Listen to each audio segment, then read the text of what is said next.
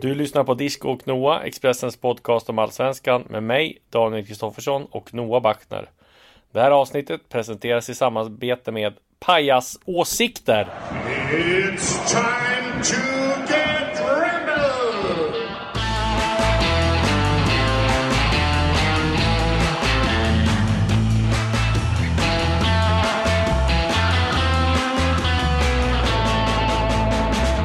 Ja, precis. Eh, Pajas åsikter var det. Det var ju Simon Tern här som var ute i ett um, rejält utspel mot domarna. Ett av många uh, som uh, Norrköping har uh, Norrköpingsspelare har gjort de senaste uh, veckorna. Får man säga att det är ganska Ja, det är ganska väntat att de gör det med tanke på hur mycket domslut de har haft emot sig den här ehm, eh, säsongen.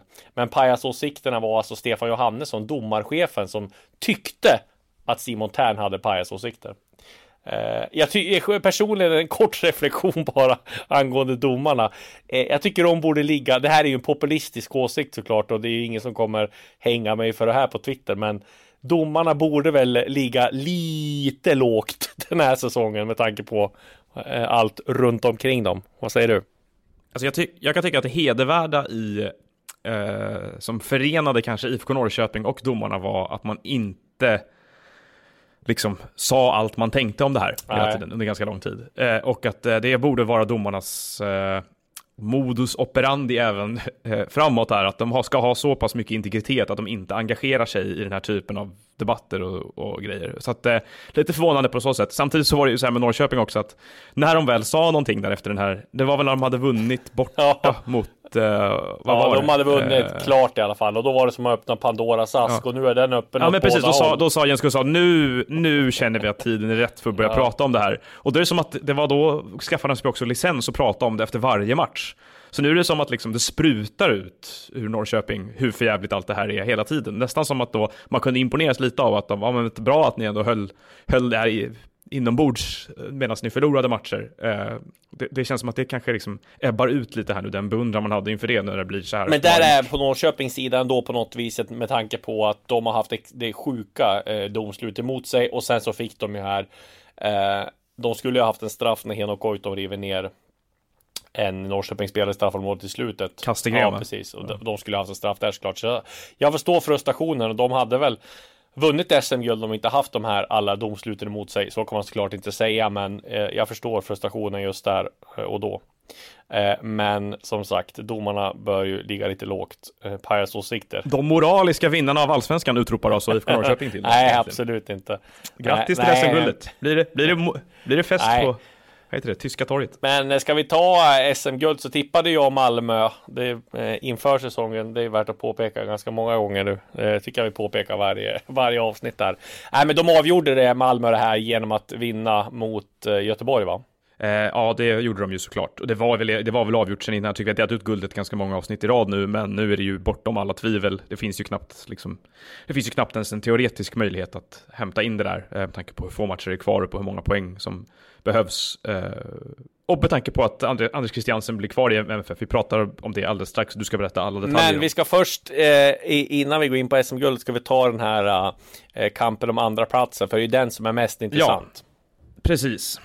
Och där trodde man ju att, jag i alla fall på förhand, även om AIK hade en bra form och eh, formstackars i Allsvenskan har fått ordning på grejerna efter att Bartos kom in så trodde man att de skulle eh, få problem med Norrköping eh, som har visserligen haft problem hemma men jag trodde att de skulle köra över, köra över AIK. Så blev det inte riktigt. Eh, Norrköping har varit usla eh, på fasta situationer under hela säsongen och trots att man hade ganska bra övertag på AIK i början här så gjorde Henok Goitom eh, på tal om på nyttfödd eh, 1-0 eh, och eh, såg rätt bra ut för AIK där inför andra. Sen hände det lite konstiga saker. Eh, Goitom kom, Ja, det var kom inte in till mycket andra. märkligt inför andra halvlek.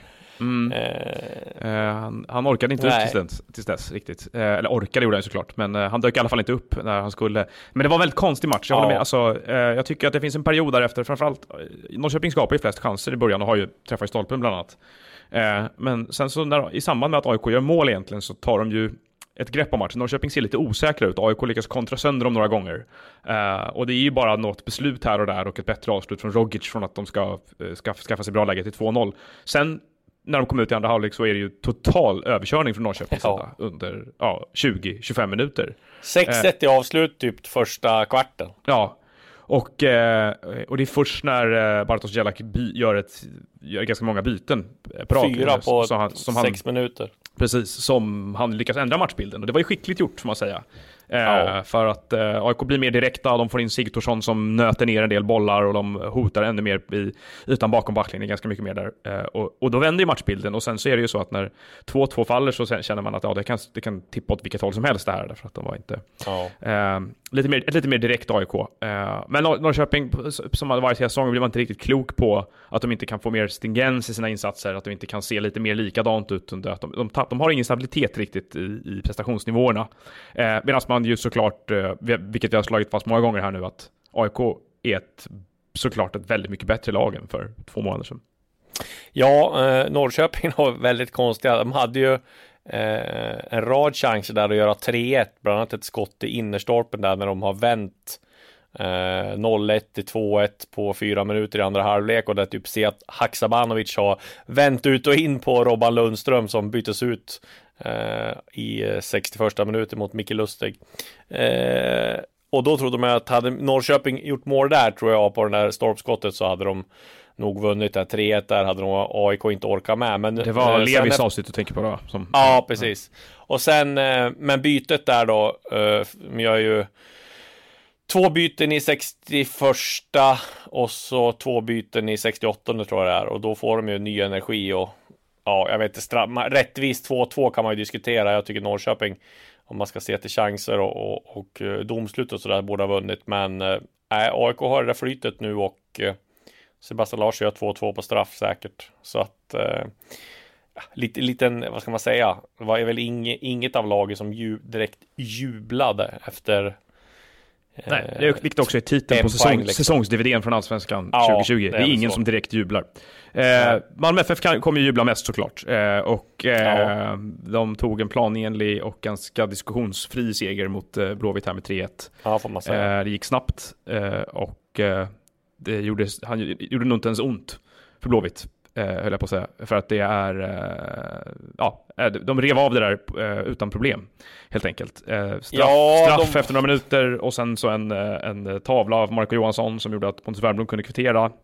Eh, innan Toivonen då lurade en icke-offside-fälla. Jag vet inte vad man ska kalla det riktigt för. Det miss, missförstånd, offside-missförstånd. Jallow som trodde ja. att han ställde offside när han klev upp, Exakt. men lämnade Toivonen helt fri på bortstolpen. Och sen eh, blev det hela eh, punkterat i andra halvlek, 3-1. Ja, jag vet inte, ja Malmö känns ju, de, har, de som har som sagt vunnit redan imponerande också att de liksom maler på eh, och kan väl gå runt på en del spelare. Isak Kiese satt på bänken nu eh, med tanke på att ja, eh, det är väl inget klart. Han har haft, haft lite skadekänningar i och för sig, men det är väl inget klart eh, angående hans framtid heller. Men det är rätt skönt att ha och slänga in honom efter en, efter, med en halvtimme kvar, liksom, eller i andra halvlek. Det verkar vara lite, lite med Thelin där, att det är en blandning av att slitage på honom och Eh, att eh, han eh, faktiskt inte har en glasklar framtid. Att de har givit mer spel till Nalic istället, som jag tyckte var ganska bra här. som ju ja. Eh, gjorde mål också. Gjorde mål, ja. fast ett självmål blev ja. det ju. Men jag menar, men jag menar att de, de, det är lite signal kanske där att de, eh, de börjar planera nu för, jag menar hade det varit, handlat bara om att ta poäng här nu, kanske spelat med bästa laget, men här kan man kanske då eh, väga in lite olika faktorer i att Kristelin blev bänkad. Eh, men det vore ju intressant, det ska bli intressant att se vad som händer med honom, för de har ju börjat prata om, han har ju börjat prata om att MFF verkar ha ändrat lite inställning i fråga om att de kan köpa loss honom eller inte. Eh, du har ju varit inne på mycket att han kommer bli för dyr för dem.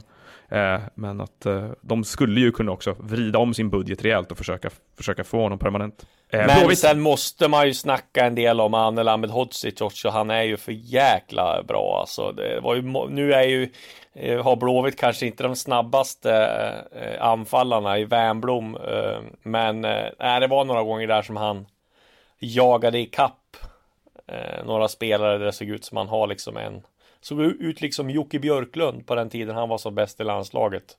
Eh, och nej, det är ju man lider ju varje gång man ser honom att inte han spelar i Sverige för jag tror att ja, han hade ju mycket som han spelar nu skulle han mycket väl kunna varit en var med i en trupp, lirare ja. som har Ja men alltså inte bara det Jag menar hur mycket sämre är han än Pontus Jansson Det, är det tror inte jag är så mycket som Jag det ser är svårt, nu, svårt att jämföra, men, men ja, men det är klart att, det är klart att eh, han är ju eh, den bästa mittbacken i Allsvenskan just nu, tycker jag i alla fall. Eh, och, Ja det får eh, man säga Det är inte bara det här med att han är väldigt snabb och som du påpekar här att han i väldigt många löpdueller tar udden av IFK Göteborgs försök att ställa om utan han läser ju spelet på alltihopa och sen tar han fram bollen väldigt bra hela tiden också. Eh, han sätter ju igång väldigt många, startar väldigt många anfall för MFF på ett bra sätt och man såg ju nyanser av det här, eller tendenser till det här i början på säsongen med Ahmed Hodzic tycker jag att det fanns de här egenskaperna hos honom. Nu är det ju mycket mer att de är mer präglande för hela hans insatser över 90 minuter, att han lever ju ut mycket mer av sin potential och eh, även om han inte...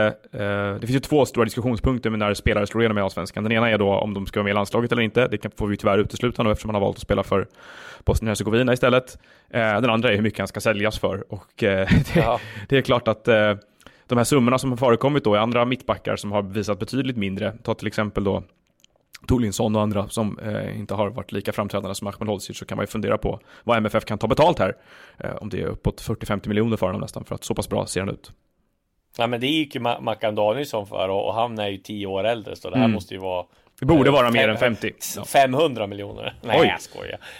jag skojar. Nej, men jag, Mackan Danielsson går ju såklart inte att, att jämföra.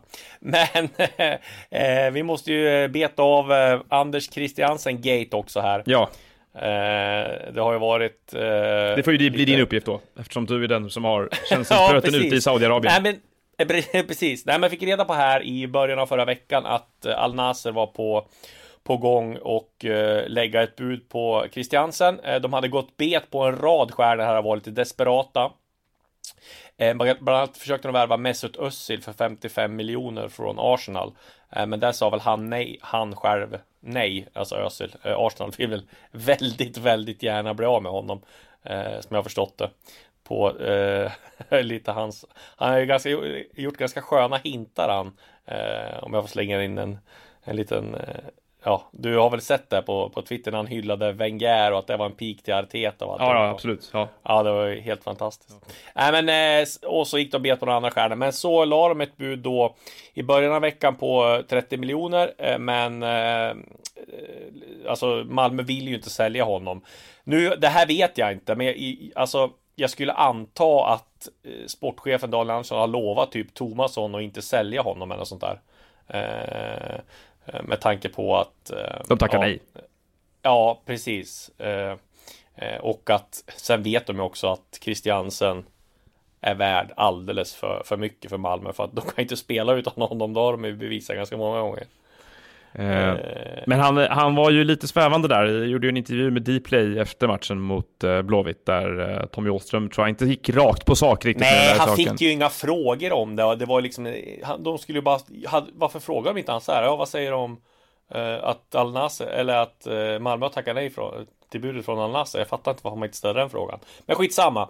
Eh, de fick i alla fall ett bud, tackade nej. Eh, han spelade matchen och de här Al Nasser blev ännu mer desperata och de la ett ytterligare bud som var på närmare 40 miljoner, men det blev nej där också.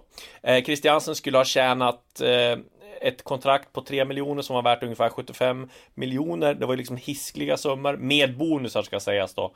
Eh, det var ju eh, eh, bra pengar ändå netto, men inte lika mycket med, med bonusar. Men säg att han hade tjänat utan bonusar, ja men mellan 17,5 och 20 miljoner netto då per år. Så du fattar ju själv att du kan ju göra liksom hela din familj eh, ekonomiskt oberoende flera gånger om. Så det är klart att, och han gick ju till styrelsen också. Det Eh, skrev ju vår kollega Mattias Larsson, vilket jag också fick uppgifter om och bad om och, och, och tacka ja till budet. Och jag menar, eh, det är klart att han blev besviken och för, eh, liksom förbannad. Vem skulle inte ha blivit det? Alltså, om det finns ingen spelare i allsvenskan som skulle bli erbjuden de där pengarna som inte hade försökt liksom få till en transfer eh, Eh, med alla medel. Eh, sen vet ju han om att han har kontrakt och han har ju kontrakt i 2025 och liksom, det är inte synd om honom på något sätt. Men, men att han är besviken över att det, det inte blev någon transfer, det, det, det, det är väl alltså, det, det, det, det är ju helt självklart och, och det är väl in- inget konstigt att han är där. Det hade ju vem som helst blivit. Ja, jag tycker inte jag sett så mycket upprörda reaktioner över det heller. Alltså i vanliga fall kan det vara den här bara va? Tror du här klubben betyder mer för dig? Men det är väl ingen som inbillar sig att det är så i det här fallet riktigt. Eh, nej, en, eh, men det, det är ju också ett dilemma som man ser dyka upp gång på gång tycker jag det där med att Ja. eh, spelare i det där skedet. Sen tycker jag han resonerar ganska klokt i övrigt, Christiansen, där att han, pra- när han pratade med, med Dplay så sa han ju det, att man värderar olika saker olika delar av karriären. Men det här är väl en sån grej som trumfar då tryggheten och det bekväma livet i Malmö med sin familj och barn får gå kvar i samma skola. Att, ja, det finns, det finns en prislapp på det också. Eh, och eh, här var det väl någon som erbjöd den då. Det kanske inte är helt över ännu, eller vad tror du? Är det här stängt nu? Han kommer inte gå dit? Ja, det, nej det är det. Alltså det här, här är ju eh, Fönstret stängde ju i eh, förrgår tror jag. Så var det Eh, Han det, blir Det kvar. är ju helt, det är helt, han blir kvar och jag tror liksom inte han, nog, han kanske är lite sur och besviken några dagar men sen kommer han glömma det tror jag i alla fall. Eh, men sen vet man ju inte här hur de resonerar efter de har vunnit SM-guld och sådär men jag tror inte att det här erbjudandet kommer igen liksom. Det Nej, brukar ju och- vara så här med allsvenska spelare. Det är ju en slump att de kan tjäna så mycket pengar. Som med Marcus Danielsson till exempel. Där var det ju att Dalian hade gått bet på två mittbackar och så skulle de värva en en, eh, en serb eller eh, eh, tror jag en serbisk mittback som Benitez ville ha från Toulouse. Och så fick inte Toulouse sålt sin stjärna så de stoppade den. Och så blev det här liksom en, eh, en sista minutenvärvning av Mackan Danielsson. Och det gjorde att han tjänade liksom ja, 60 miljoner över tre år typ. Så det, Och Djurgården- också, det är oftast Djurgården tappade 40 poäng i Allsvenskan. Eh, men eh, de reparerade lite av det i helgen i alla fall. När de mötte Sirius och vann med 4-0. Eh, Ja. Djurgården ser eh, ganska bra ut just nu här. Har ju ett par positiva tecken bakom sig från matcher efter att ha vänt en lite trögare resultatrad får man säga. Eh, här var det väl klart hjälpta då av eh, Stefano Vecchias röda kort, eh, men det var ju ganska ensidigt ändå hela historien och eh, eh, en, förkrossande resultatsiffra får man säga, 4-0, eh, som man inte riktigt såg framför sig på förhand kanske. Nej, inte direkt. Och sen så har ju eh, Djurgården, de har äntligen hittat sin offensiva mittfältare. Eh, Fredrik Ulvestad, så kommer han lämna klubben liksom. Det är lite, lite signifikativt för Djurgården den här säsongen känns det som. De har haft svårt att hitta rätt med, med spelarna Emir Kujovic, Jonathan Ring.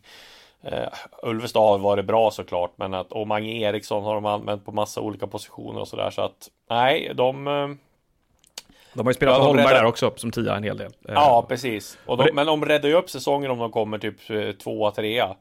Ja, Men visst. allt annat är väl en jättebesvikelse med tanke på hur det blev i Europaspelet också. Att sen kommer de få bygga om en del till nästa år. Eh, Vi vet ju att Jonathan Augustinsson är klar för Rosenborg. Han har till och med gått igenom läkarundersökningen och skrivit på redan.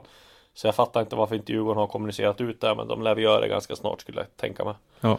Eh, Men, ja, även om de det som sagt, det ser, det ser ju bra ut för Djurgården på många sätt där. Eh, på det sättet att de, de har ju väldigt, ett väldigt, fortfarande ett väldigt tryggt grundspel och eh, formsvackan, om det här var en, en svacka den här säsongen så ligger de fortfarande i tabellregion och eh, har, har, har presterat på ett sätt som gör att man kanske inte oroar sig så mycket för deras räkning. Eh, däremot så är det väl det just att en stor, en stor kärna, liksom ryggraden i laget egentligen, eh, från guldlaget om inte annat försvinner till vintern här nu. Eh, och, Ja, eh, I vissa och fall det känns det väl mer naturligt och i andra fall känns det mer som att det är spelare som de hade behövt bygga vidare på, framförallt Ulvestad.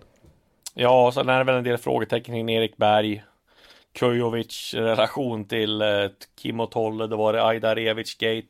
PK Bråtveit blir inte kvar heller så att nej, det, det kommer bli Lite turbulent. Mm. Ja, Eh, Hammarby gjorde en riktigt bra insats borta mot Östersunds FK tyckte jag. Eh, de eh, var ett av få lag som inte har blivit lamslagna av ÖFKs väldigt organiserade och plikttrogna kontringsspel. Utan de lyckades faktiskt föra den där matchen. Det var lite svängigt i första halvlek. Eh, en, eh, en klokt analyserande Aymar Kjaer var ute i, i Dplay och, och sa som det var, då, att han tyckte att Bayern hade tillräckligt bra spelare och tillräckligt bra lag för att kunna ha lite bättre kontroll på det där och slippa jaga straffområde till straffområde hela tiden. Eh, och det hade han rätt i och andra halvlek så växlade Hammarby upp ganska ordentligt också och eh, gjorde 3-1 totalt på, på ÖFK där Blair Turgott fortsätter att ösa in poäng. Eh, men det är ehm, Kacaniklic och det är Gustav Ludvigsson eh, i front, eh, roller som frontfigurer och även Aron Johansson får man säga nu som har verkligen börjat visa sitt värde för Bayern på ett annat sätt. Men det såg ganska bra ut för Bayern och det, det som är intressant som jag tar fasta med mig för den här matchen det är ju klart att man kan fästa då, eh, uppmärksamhet vid Ludvigsson och vid, vid Kacaniklic och de här spelarna som kanske är de som lyser all, allra klarast just nu. Men det var andra matchen i rad som Maja Cher fick starta på mitten för Bayern och eh, på bekostnad av Darjan Bojanic. Och, eh, precis som vi sa tidigare här då om eh, eh, Ahmed Hodzic, att det var en spelare som när han fick chansen i början av säsongen så kunde man se glimtar av vad han kunde. Så börjar man se mer och mer av en utväxling på honom nu, att han har börjat mogna in i allsvenskt spel. Och eh, det är en väldigt mångsidig och bra spelare, Kär, som det känns som att Hammarby kommer kunna ha mycket nytta av och så småningom även då eh, sälja ganska dyrt säkert. Ja, eh, det tror jag också. Och Välkommen till Coolbet där spänningen aldrig tar slut och underhållningen står i centrum. Här får du inte bara Sveriges bästa fotbollsodds. Du får också en spelupplevelse som är rättvis, transparent och framförallt rolig. För oss handlar det om mer än bara spel. Det handlar om att ta en paus, att våga chansa och att kanske vinna stort. Det oväntade gör varje ögonblick unikt. För dig över 18 år, stödlinjen.se. Eh, jag fick bara en grej på Twitter här från någon i, som skickade till mig eh, apropå Alexander Kasaniklic som har haft en del upp och ner men han har ändå gjort en del, öst in en del poäng den här säsongen. Eh, men hans eh, poängrad sedan han kom till Hammarby är alltså 39 poäng på 49 matcher i Hammarby hittills. Det är, det är ganska imponerande. Det är ganska bra. Eh, och, I år har det väl, i år är det väl, vad är det, 3 plus 9 eller sådär han haft i år tror jag. Ja. Eh, och, och då äh, känns det ändå så här som han har gjort det, ja man tänker så här, ja, han har gjort det okej, okay, inte mer, men ändå tre mål och nio assist är ganska bra. Ja, men det har väl varit äh, en del klumpleveranser också från honom här, som att han gjorde två, han gjorde typ två plus ett i någon match och så. Äh, att sen kan det gå ett tag utan att det har varit poäng. Och han, precis som hela Bayern har ju saknat samma flyt. Men jag tyckte att i andra halvlek här så var det Hammarby som påminde, precis som då delar av matchen mot Mjällby, att de såg lite, lite mer ut som laget från 2019. och de kommer ju precis som Djurgården med ganska bra fart under fötterna in i in i slutfasen av säsongen här nu och kommer sätta rätt mycket hårt tryck på Häcken och Norrköping om den här, och Elfsborg om de här eh, Europaplatserna högst upp i tabellen känns det som. Kort eh, eh. grej som jag fick här som vi kan eh, referera till som Just In. Eh, IFK Göteborg kommer gå ut med att de säljer Jesper Tollinsson här i, idag eller imorgon. Så att... Eh, Då slipper du fler frågor om det. Eh, där ja, många som undrar vad fan du håller på med egentligen. Han blev kvar. Ja, han blev kvar. Jesper ja. blev kvar. Vad hände? Ja, det kom, det kom eh, frågor idag också om det såg jag. ja. Alla, Disco, alla säger att det här inte har hänt utom du. Nej, precis. Hur säker är du? Ja, exakt. Eh, här, som är så här foruminlägg som, från de diskussioner man har haft på, jag har i alla fall på Newcastle forum och sådär mycket där, där någon postar någonting och säger källa på det. Ja, exakt. Och så om någon, har, om någon har kommit med för många felaktiga påståenden så blir man häcklad för livet. Nej, kom, bäst är ändå den här konversationen när jag, när jag skrev om Henok Goitom här och råkade säga att han var lite skadebenägen. Ja, just det. Uh, och fick massa, jag sa förlåt, han har ju ändå haft diskbrock liksom. Ja. Lite skadebenägen. Ja. ja, men uh, det är bara uh, sträcka upp handen och be om ursäkt. Och så fick jag svar på den tweeten. Varför ber du inte om ursäkt? Ja, vilket jävla dårhus Twitter ja, är. det är galenskap faktiskt. Uh, jag fick en, på, på, på, det ämnet så var det en annan, en annan fråga. Eh, mycket, det kommer en hel del legitim kritik och så. Eh, och så ibland förstår, håller man inte riktigt med. Jag hade en grej som jag inte höll med om i veckan här. Det var att Ja, det var någon som ställde frågan till mig och Oskar Månsson varför vi inte var på regeringens presskonferenser när de pratade om eh, publik, Eh, mängder då på att man skulle höja till 300 där. Eh, och man kan tycka att det kan vara sportreportrar där, absolut. Nu är vi en hel redaktion och jag håller på att jobba med andra grejer just nu, så det var mitt, det var mitt skälet att jag inte var där. Ja. Men då var det någon som invände att ja, det var skandal att vi inte var där, för det var en ödesfråga för hela svensk elitfotboll. Och jag håller inte med om att åskådarantalet 50 till 300 är, en ödes, är ödesfrågan för svensk elitfotboll just nu. Jag tror Nej, inte att de här 250 personerna rider in och löser den ekonomiska krisen i kölvattnet av coronapandemin riktigt. Nog om det. Eh, Örebro SK eh, slog Helsingborg med 3-2 och eh, Nahir Besara gjorde sitt tionde mål för säsongen va, tror jag. Eh, Fäster elfte platsen i allsvenska tabellen då. Yes, jag vet inte exakt var de ligger, men eh, det är väl någon, de, har väl, de har väl 32 poäng som alla andra. Eh, och eh, Besara De är fortsätter... nia! Örebro är nia, 33 ja. poäng har de. Eh, i, ungefär i den, i den eh, där de har slutat. I de trakterna där de brukar hamna. Eh, men Nair Besara i alla fall då, det kändes ju väldigt planenligt att han skulle komma in och göra 10 mål. Eh, och så kommer han säljas till turkiska andra ligan och så kommer han tillbaka. Eh, och så kommer det vara huggsexan mellan Örebro Rykten och... om Hammarby. Eh, Kalmar och eh, Giffarna och så hamnar han i Örebro igen. Eh, men, men konstigt att ingen, ingen eh, större klubb högg på, högg på honom. Framförallt när han var eh, bossman. Ja, jag håller med. Och, och, Eh, fattar inte det märkligt. Nej men han är ju, han är ju, alltså, han har ju spets, alltså det finns ju saker i kanske vissa delar av hans spel som jag förstår att han inte är aktuell för de absolut bästa lagen i Allsvenskan. Men han har ju spetsegenskaper som rätt många lag saknar. Alltså det är ju inte så att det kryllar av offensiva mittfältare som pangar in 10 mål per säsong. Och han är ju garanti på det liksom, att, det, Ja. att han gör det. Eh, ja, lite märkligt eh, att, att Besara fortfarande är eh, bara, känns bara ständigt aktuell för Örebro, eller spelar i Örebro. Och där, där är han ju också en sån här spelare som inte gnäller utan är liksom bra att ha en trupp också. Så Ja. att, ja, det var konstigt. Örebro Eh. har gjort det bra där. Men sen det stora frågetecknet här då är ju Andreas Granqvist som inte har kommit till rätta med sina skadeproblem och känns som landslagets lagkapten att han skulle starta ett EM-slutspel i sommar känns ju väldigt långt bort. Eh, dels med tanke på den form han har varit i tidigare och nu att det är så mycket skador och sen jag såg några spekulationer i Helsingborgs Dagblad om att han skulle lägga av. Kan, va, Ja, Ja, Nej, det, det det skulle vore inte ju- komma som en blixt från klar himmel kanske. Om det Nej, men det vore Eh, trist om det avslutar på det här viset. Tänk istället han, ja. Det, det går ju bara att hålla med om. Eh, samtidigt så är det ju, känns det som också som att, sådär, att det finns någonting ganska väntat i det. Eh, det, har, det fun- har inte funkat riktigt senaste året här Nej. egentligen eh, för honom. Och eh, när det gäller landslaget så är väl intrycket att man har börjat röra sig vidare med lite nya Ja. mittbacks kompositioner, eh, kompositioner där. Eh, vi får återstå att se, det lär väl komma något besked från honom här under hösten. Eh, om den här Coca-Cola-dieten har funkat eller inte. Eller han skulle avstå från cola var det, så var det.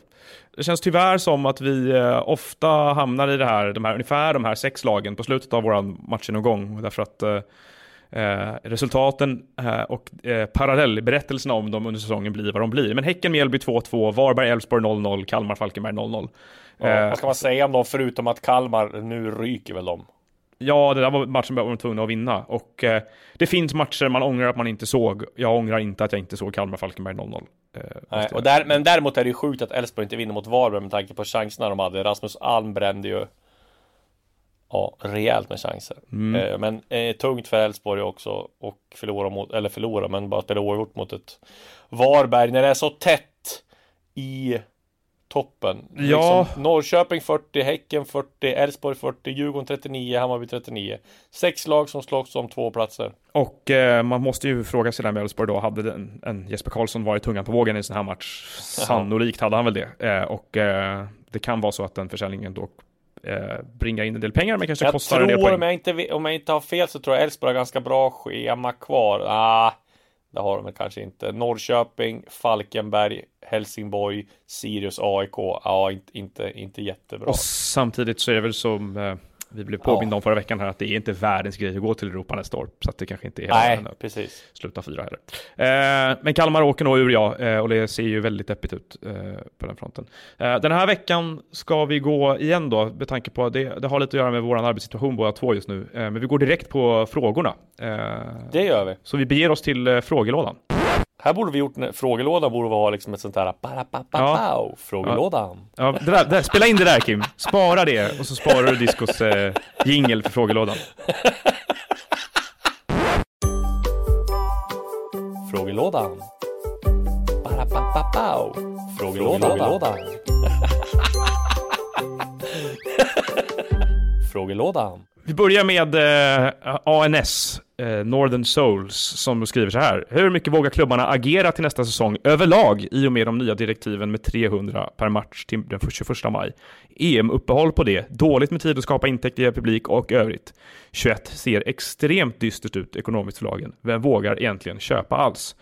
Och eh, ja, jag är, det är bara att instämma i den farhågan. Det är väl det här stora osäkerhetsmomentet som eh, drabbar alla och som verkligen ska bli intressant att se vilka ekonomiska risker man vågar eh, utsätta sig för och sådär. Eh, sen är det väl lite samma sak tror jag med som när man pratar om tillstånden för att arrangera konserter och såna här grejer att det går ju inte att budgetera med någon publik när de här reglerna ligger till 21 maj. Och Det är samma sak som att de, jag såg någon som pratade för Debasers räkning här i Stockholm till exempel då om att eh, de kan inte boka en enda konsert, inte en enda spelning, även om det är så att de här restriktionerna skulle hävas i april för att det ser bättre ut, så går det inte att planera in några konserter. Så att det är ju ur budgetperspektiv så är det väl så att man måste, och det, igen då, det hade ju varit mycket lättare för alla klubbar här nu eh, om det var så att regeringen hade sagt att vet ni vad, plan B här om ni inte kan ta in publik, det är att de här pengarna finns åsidosatta för att kompensera er så att ni kan bedriva er verksamhet på det sättet som är tänkt. Eh, men tyvärr så är, är, är de där ganska sakta allt som händer med eh, pengar till elitidrotten i Sverige eh, från eh, regeringshåll. Och jag förstår för mitt liv fortfarande inte varför allt fokus ligger på att släppa in ytterligare några hundra åskådare istället för att försöka kräva stora räddningspaket. Eh, Anton Larsson, status på Jesper Tollinsson. Ingen mm. part! Mer än ni har sagt att det är klart. Så är vi en part? part i det här alltså. Jesper Tollinsson är klar. Eh, Göteborg kommer gå ut med det ganska snart. Här är en, gre en grej som vi glömde som vi eh, faktiskt var dåligt av oss, men som vi ska kompensera med nu då. Ja, eh, Johannes Rosvall. Jag vill ha en hyllning till Nordin Gerzic. 300 matcher, legend och kapten i ÖSK fotboll. När han lämnade för Göteborg förlängde han kontrakt med ÖSK för att ÖSK skulle få betalt. Tala öppet och föredömligt om personliga problem och inte minst visat otrolig klass på planen. Och det håller jag med om. Han är ju en eh, ÖSK-legend. Ja, eh, Mr ÖSK skulle man kalla honom för. Alltså han är ju ja. den absolut mest ikoniska Örebro-spelaren i, eh, på de senaste 15-20 åren i alla fall nästan va? Eh, känns det som. Ja, och, och eh, framförallt väldigt, alltid väldigt trevlig. Eh, skön att intervjua. Eh, sen eh, det starkaste minnet jag har från honom var att när han kom med i landslaget på en januari-turné här för många herrans år sedan.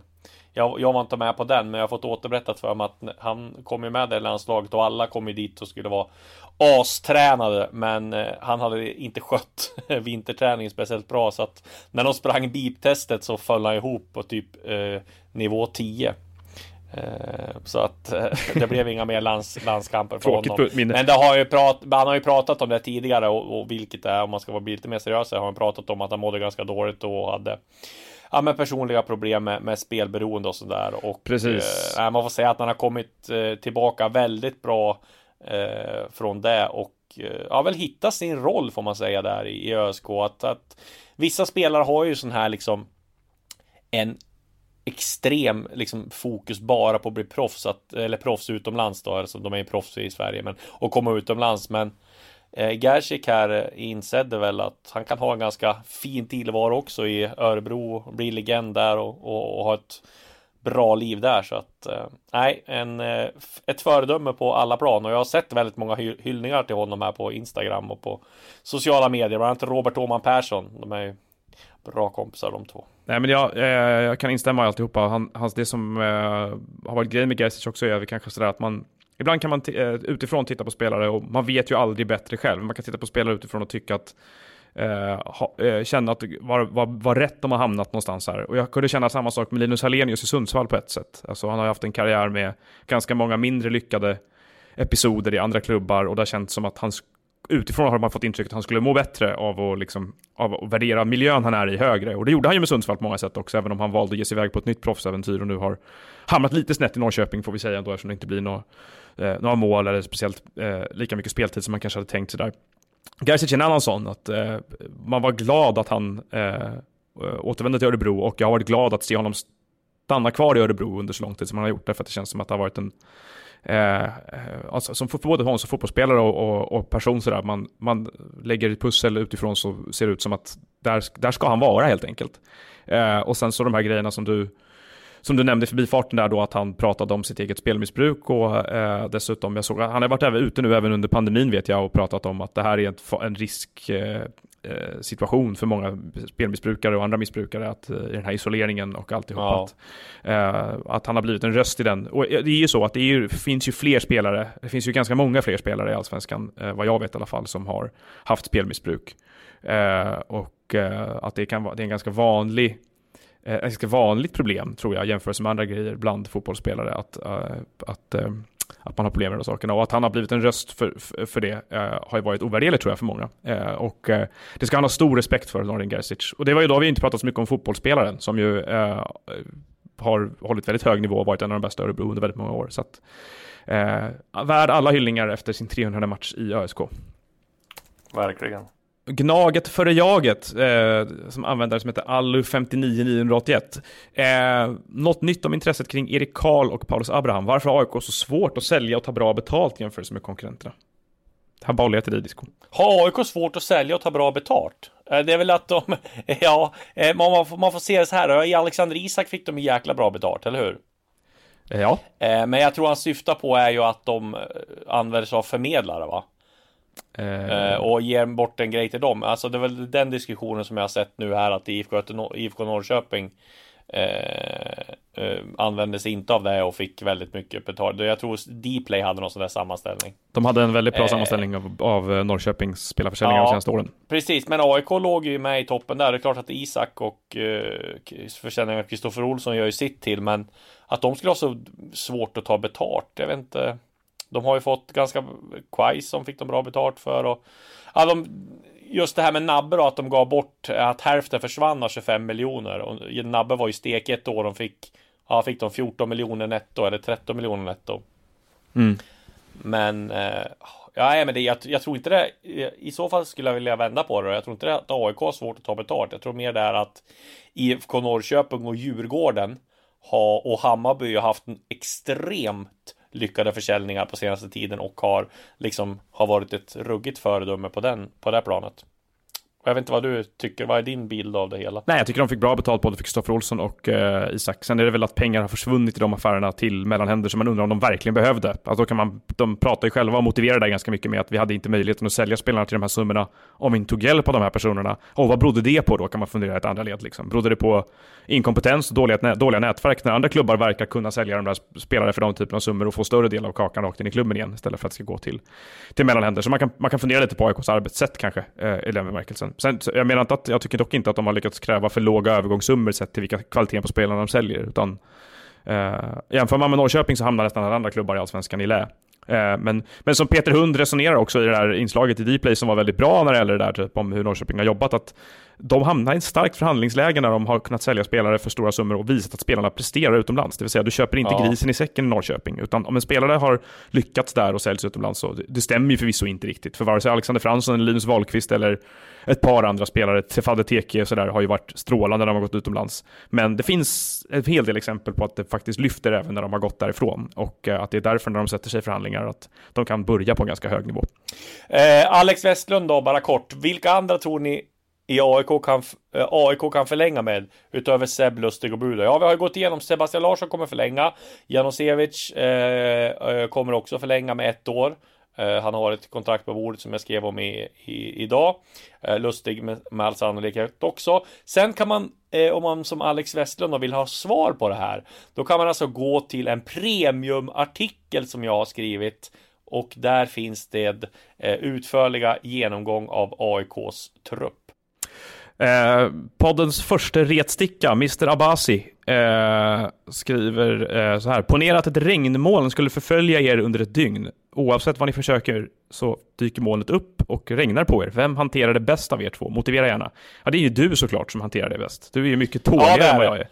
Ja, Eh, det, det får jag ändå. Det, här, det hade Du du bra utstår det självinsikt. mesta ja. faktiskt. Det, är, eh, Ja. det, det ger dig rakt upp och ner. Sen lever du ett, eh, liksom ett i snitt sämre liv än vad jag gör för att du tå- står ut med så mycket dåliga grejer hela tiden. Men Nej, det, är, det är en annan diskussion. Du parerar alla olyckor bättre än vad jag gör. Så du har liksom bara, eh, det, lapar i dig bara skit. blåa moln på himlen. Affelfred Wikström, hur många Nocco har du druckit idag? Hur många minuter Voi åker du i veckan? Har du lyckats få ner din dator i datorväskan än? Jag har druckit en Nocco idag när jag var och gymmade. Otroligt. Hur många minuter Voi åker du i veckan? Inte så många nu längre, men det blev väl ett 5, 10, ja 15, 20 kanske då. Eh, Och datorn har jag nu mera i min datorväska som jag fick av en snäll läsare och den använder jag nästan hela tiden. Otroligt. Det händer grejer. Eh, Eh, Don Oskar, är Christiansen så oförrättad för att han drar i vinter istället? Nej, det tror jag absolut inte. Eh, Daniel Stare, kan en assisterande tränare bli årets tränare? Jag tycker inte att det är en orimlig fråga att ställa. Däremot är det svå- alltid svårt att utvärdera assisterande tränares jobb. V- men vem syftar han på? Det skulle vara någon i år då. Eh, Eller menar han att Afir Afrasham eh, inte har eh, licens? inte står, eller vadå? lis- står listad som huvudtränare i Öf- ÖFK. Ja, det Nej. kanske är det han menar. För då vill man ha Marit Rydström istället. Då. Eller Ja. är det Theodor Olsson som ska få det? Är det det han vill ha? Han håller väl på Sirius tror jag. Ja, Eh, okej, ja. Eh, jag har ingen aning. Det är, svårt, det är alltid svårt att utvärdera assistent. Det, man, det finns ju enstaka exempel när man tycker att man ser sån här oerhörd korrelation. En sån var väl när Ferhan Subira lämnade Sundsvall och man bara, aha. Eh, Ja. Olof får eh, förmånen att ställa veckans sista fråga. Eh, om era barn blir fotbollsspelare, kommer Disco läcka ut silly news om dem för att behålla platsen på tronen? Eller hålla på det för husfriden? Nej, vi håller på på husfriden, det gör man ju alltid i så fall. Jag var otroligt glad över att eh, jag fick reda på att jag överhuvudtaget skulle bli pappa innan du berättade det för mig. Det har jag sagt flera gånger. Här. Ja, exakt. Det kändes skönt faktiskt att det fanns en sån, en sån gångordning någon gång också. Det var det hela för den här veckan. Eh, Det var och, Eh, vi får se om man har hunnit publicera någonting till nästa vecka. Det, det jobbas på här i kulisserna. Vi kämpar på. Ja. Men vi kan i alla fall kon konstatera för, för alla som eh, har missat att Jesper Tolinsson är alltså såld från IFK Göteborg till Lommel SK. IFK Göteborg har gått ut med det nu. Ja, det, det där har jag hört så många gånger nu. Att, Hej då! hej då!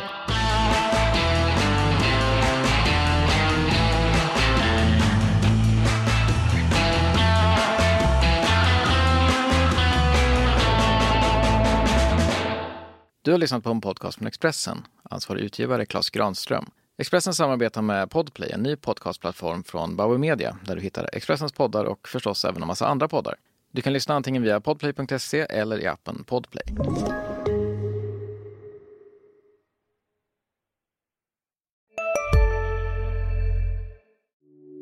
Hej, Ulf Kristersson här. På många sätt är det en mörk tid vi lever i. Men nu tar vi ett stort steg för att göra Sverige till en tryggare och säkrare plats. Sverige är nu medlem i Nato. En för alla, alla för en. Har du också valt att bli egen? Då är det viktigt att skaffa en bra företagsförsäkring. Hos oss är alla småföretag stora och inga frågor för små. Swedeas företagsförsäkring är anpassad för mindre företag och täcker även sånt som din hemförsäkring inte täcker. Gå in på swedea.se företag och jämför själv.